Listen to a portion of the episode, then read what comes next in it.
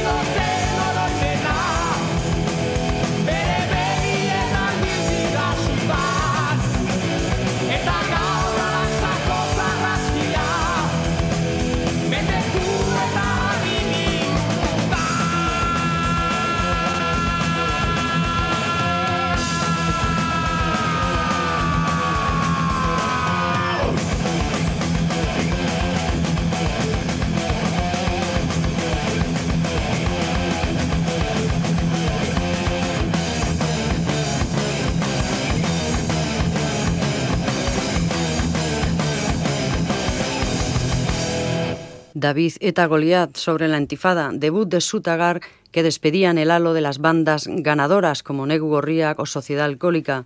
Otros grupos no despertaban tantas pasiones, pero ellos seguían adelante con su rock básico, sin grandes superproducciones de perdedores, hombres grises, la triste condición humana, a ritmo de punk rock urbano, de aceras invadidas por los coches, mendigos en las esquinas, riqueza en el escaparate. En 1990, Servicio publicó en Discos Suicidas el disco Buen Agujero y Sin Salida, Tomás Juanes a la voz y guitarra, Xavi Mendiola a voz y bajo, Tito a la guitarra y Valentina a la batería. Sabían reflejar a dos voces el destino insano de sus vecinos.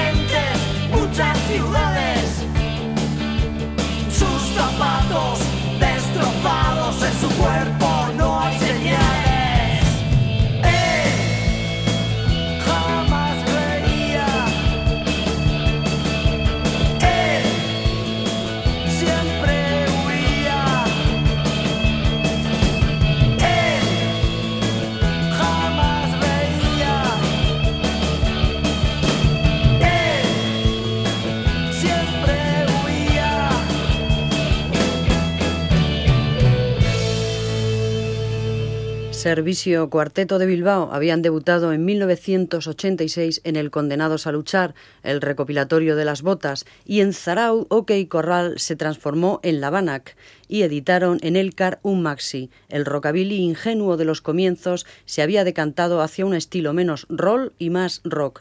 Dani Ulacia, voz y guitarra, Fermín Iraola a la guitarra, Alberto Lizaso al bajo y Alberto Inza a la batería.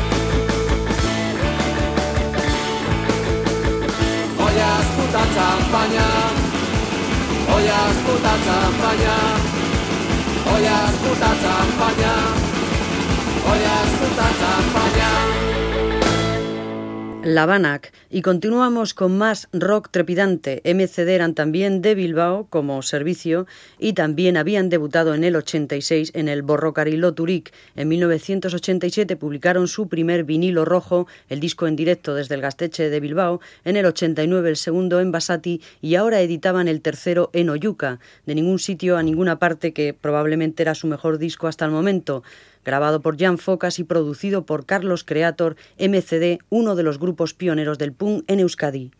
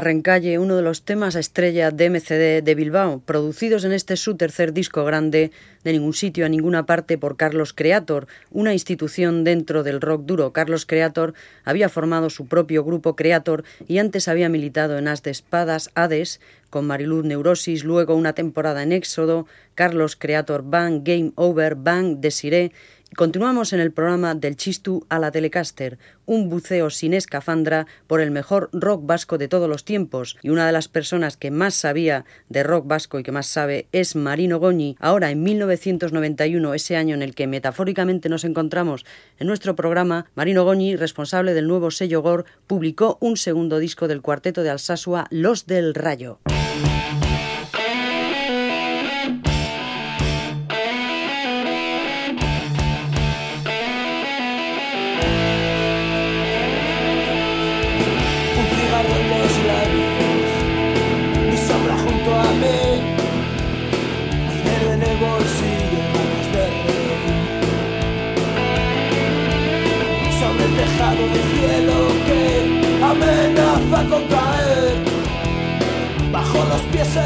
Suelo y nada que perder.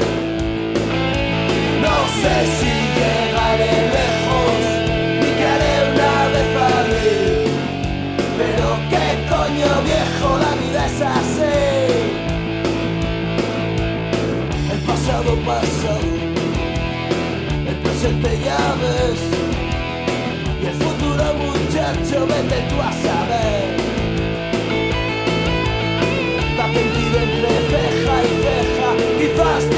Sonreír. Que ya tendremos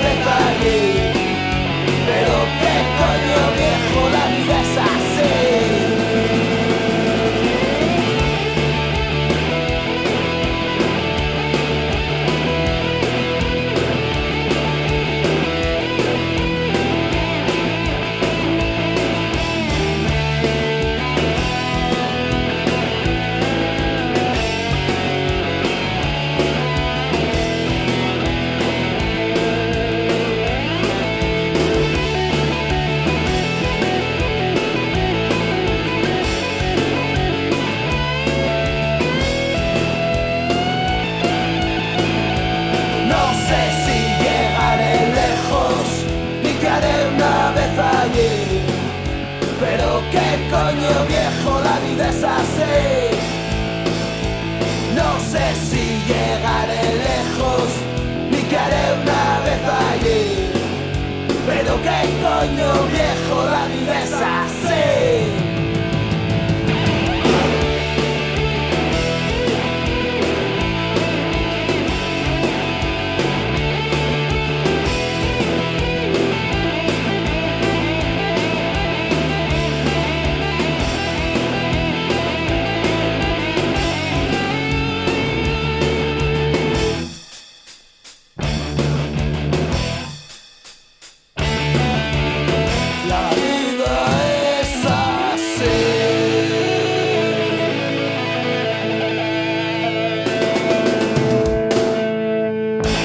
Del Rayo fueron producidos por Enrique Villarreal, el Drogas de Barricada, en este disco llamado Miedo al Miedo, que fue la primera referencia del sello Gore y que se grabó en el estudio Le Chalet de Burdeos. Las casas de discos siempre somos los malos de la película, manifestaba Marino Goñi al Tubor. La gente siempre cree al músico. Nosotros no somos, desde luego, hermanitas de la caridad. Ahora que muchos grupos han creado sus propios sellos, van a conocer lo que es producir un disco de principio a fin, porque ¿quién es el que se queda con la parte del león en los discos? Pues igual el tendero, el distribuidor o el estudio de grabación. Generalmente cuando un grupo no vende le echa la culpa a la casa, y eso no es así. Si un grupo funciona, tú funcionas. También se quejan del sonido, y lo que no quieren comprender es que si el grupo no toca, incluso en un estudio bueno hay problemas para que eso suene. El sonido lo tiene que tener el propio grupo antes si no, mal asunto.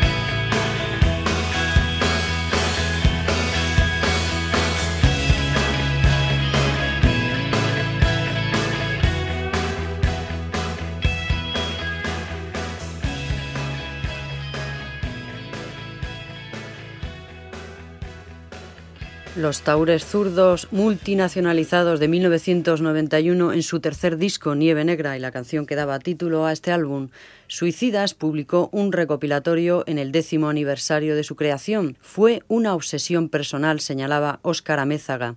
Suicidas nació con la idea de sacar a Sarama. Por aquel entonces yo representaba a Sarama y quería promocionarles con un single, pero que ninguna compañía quería sacar, primero porque obligaban a que se tradujera al castellano y luego, cuando se traducían las letras, no encajaba en ninguna empresa discográfica ni de Madrid ni de Euskadi. Entonces tuvimos que plantearnos el sacarlo por nuestra cuenta. Todo el mundo nos decía que era una locura, que no iba a salir bien, que nos estábamos metiendo en un campo en que la música en euskera no admitía este tipo de ritmos, de movidas, de letras, pero contra viento y marea produjimos el proyecto y bueno, pues visto lo arriesgado del asunto pensamos que lo mejor era llamarnos suicidas.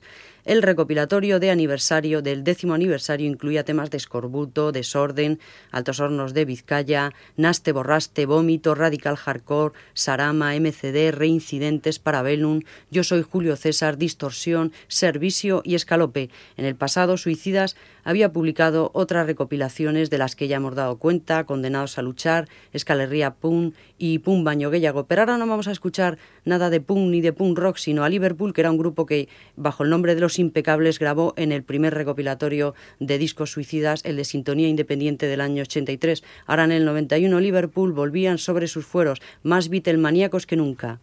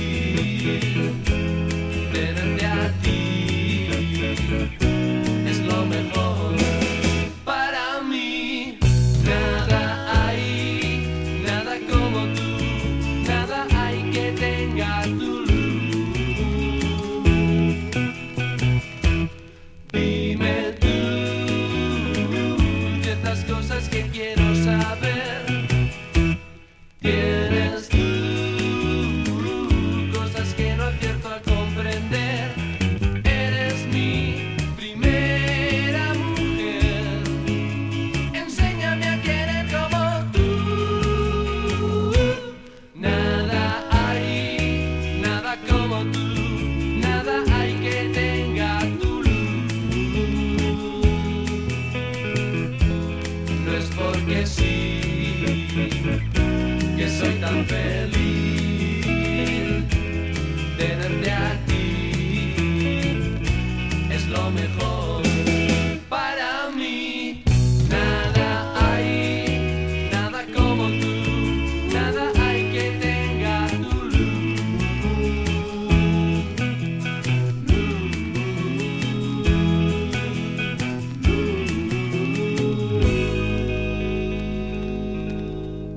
Liverpool, primero se llamaron Junque, luego fueron los Impecables y finalmente Liverpool, haciendo este homenaje al cuarteto de, esa misma ciudad. Los grupos piensan que el estudio es la continuación del local de ensayo, manifestaban los responsables de Suicidas con motivo de este décimo aniversario, que les había proporcionado buenas y malas experiencias. El estudio es como el quirófano, y al quirófano hay que ir muy preparado. No se puede pensar que por estar metiendo horas y horas en el estudio va a salirte lo que no te ha salido nunca. Al final va a tener que entrar un músico a arreglarlo. Nos ha pasado con algún grupo que la cosa no salía, no salía y al final nos ha salido un ojo de la cara. Por ejemplo, para mí, el mejor disco que se ha grabado con nosotros es el Antitodo de Escorbuto y este disco se hizo en 24 o 25 horas. La gente olvida lo que significa ser una independiente, pide que sea una réplica en pequeño de una gran compañía. Aquí a ningún grupo se ata, pero los grupos quieren más fama, más suerte y se van a compañías más grandes. Sin embargo, Fuera de Euskal Herria, lo primero que hacen las compañías es atarlos. Ha habido muchos grupos que se han ido a Madrid y han funcionado peor que aquí. Si no ofrecemos más es porque trabajamos con unos presupuestos y aunque sus ideas sean muy buenas, el salirnos de estos presupuestos a nosotros nos supone una inversión ruinosa. Otros sí lo hacen, nosotros no podemos.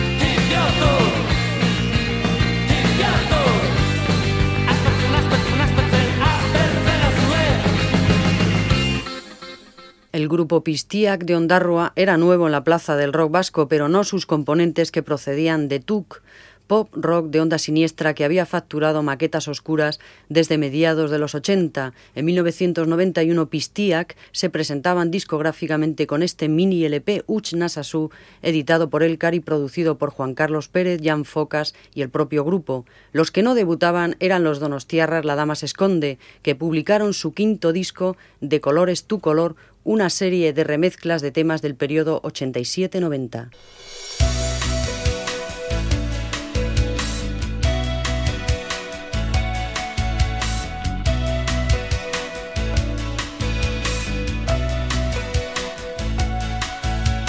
Hoy la arena está mojada y el calor. Largas codas no escuchaste, soy mi voz.